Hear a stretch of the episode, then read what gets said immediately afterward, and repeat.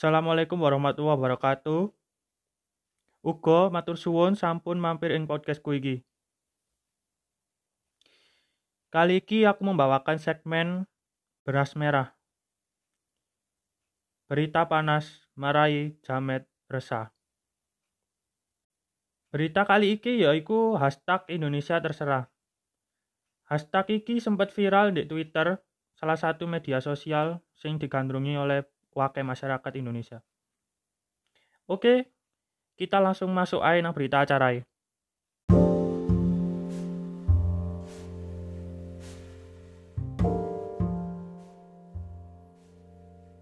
Hashtag ini sempat viral di media sosial Twitter.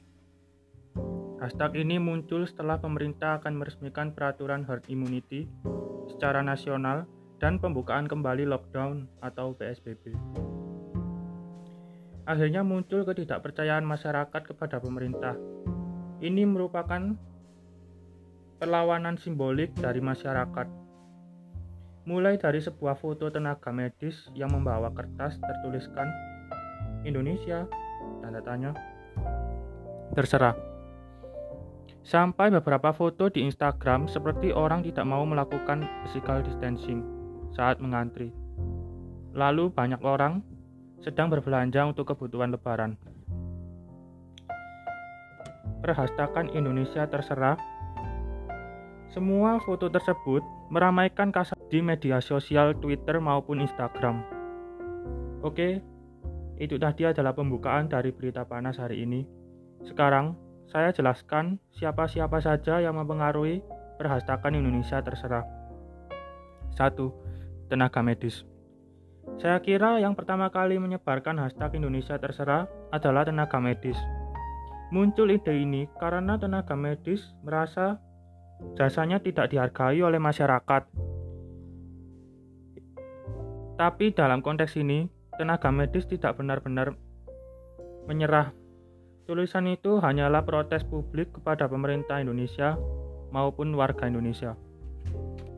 Memang benar, Pemerintah sudah merasa corona ini sudah selesai dan saatnya kita kembali ke rutinitas semula.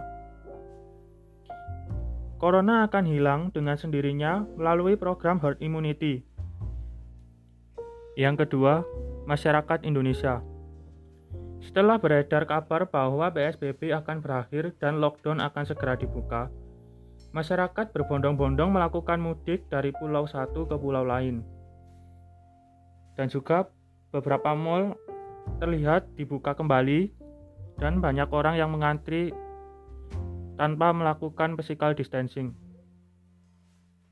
Serasa tidak ada gunanya aturan lockdown dan physical distancing ini. Masyarakat melakukan ini tidak tanpa alasan. Perubahan kebijakan pemerintah seperti herd immunity membuat masyarakat merasa tidak peduli lagi dengan omongan pemerintahan. Masyarakat tidak lagi percaya dengan pemerintah dan tidak percaya lagi pada peraturannya. Lantas apa itu herd immunity yang dibangga-banggakan pemerintah? Herd immunity adalah konsep dalam epidemiologi yang menggambarkan bagaimana orang secara kolektif dapat mencegah infeksi jika beberapa persen populasi memiliki kekebalan terhadap suatu penyakit. Gampangannya adalah Orang yang dianggap lebih kebal dari virus corona diharap tidak akan menularkan virus itu. Dan juga diharapkan orang yang sudah terkena virus lalu sembuh, antibodinya tahan terhadap virus corona. Sehingga tidak akan menyebarkan virus corona ke orang yang memiliki antibodi lemah. Sebagian masyarakat kontra dan berpikiran pemerintah ingin membunuh rakyatnya sendiri. Hal inilah menyebabkan masyarakat merasa kebijakan pemerintah yang malah memperburuk keadaan, rasanya keresahan tenaga medis semakin lengkap. Ditambah lagi, warga Indonesia yang mulai melakukan mudik berpindah antar pulau ke pulau yang lain, membuat tenaga medis menangis melihat ini, tidak percaya kembali dengan pemerintah.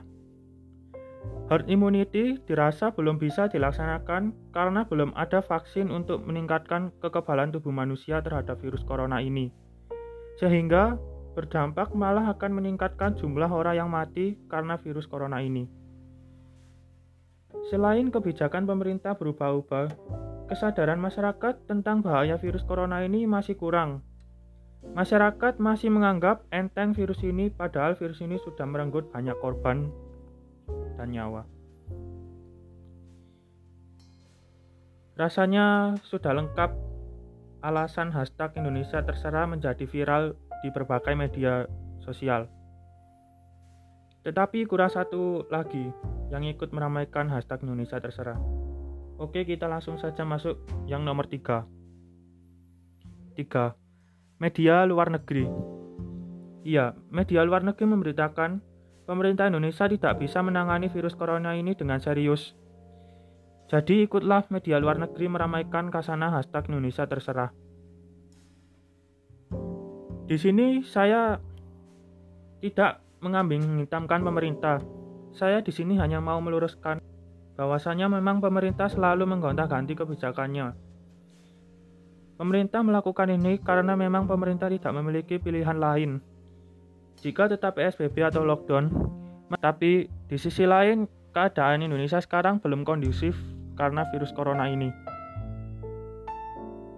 Kita harus menghargai usaha pemerintah dan tetap mematuhi aturan physical distancing supaya badai corona ini cepat berlalu.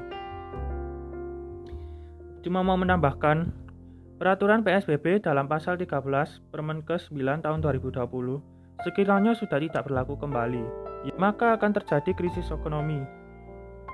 Ini hanya opini saya ya, Rek. Tapi tetap jaga jarak dan tetap physical distancing. Ojo mamel lek dikandani rek. Engko lek wis diangkut ambek dokter malah bengok-bengok.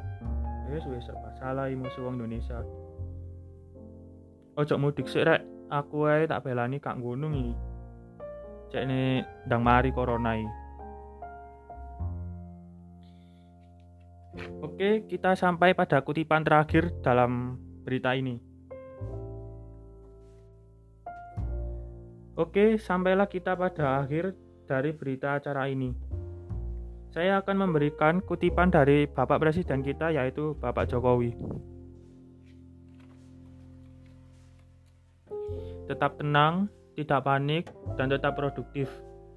Tingkatkan kewaspadaan agar COVID-19 bisa dihambat dan di-stop. Kita harus hidup berdamai dengan virus corona tersebut.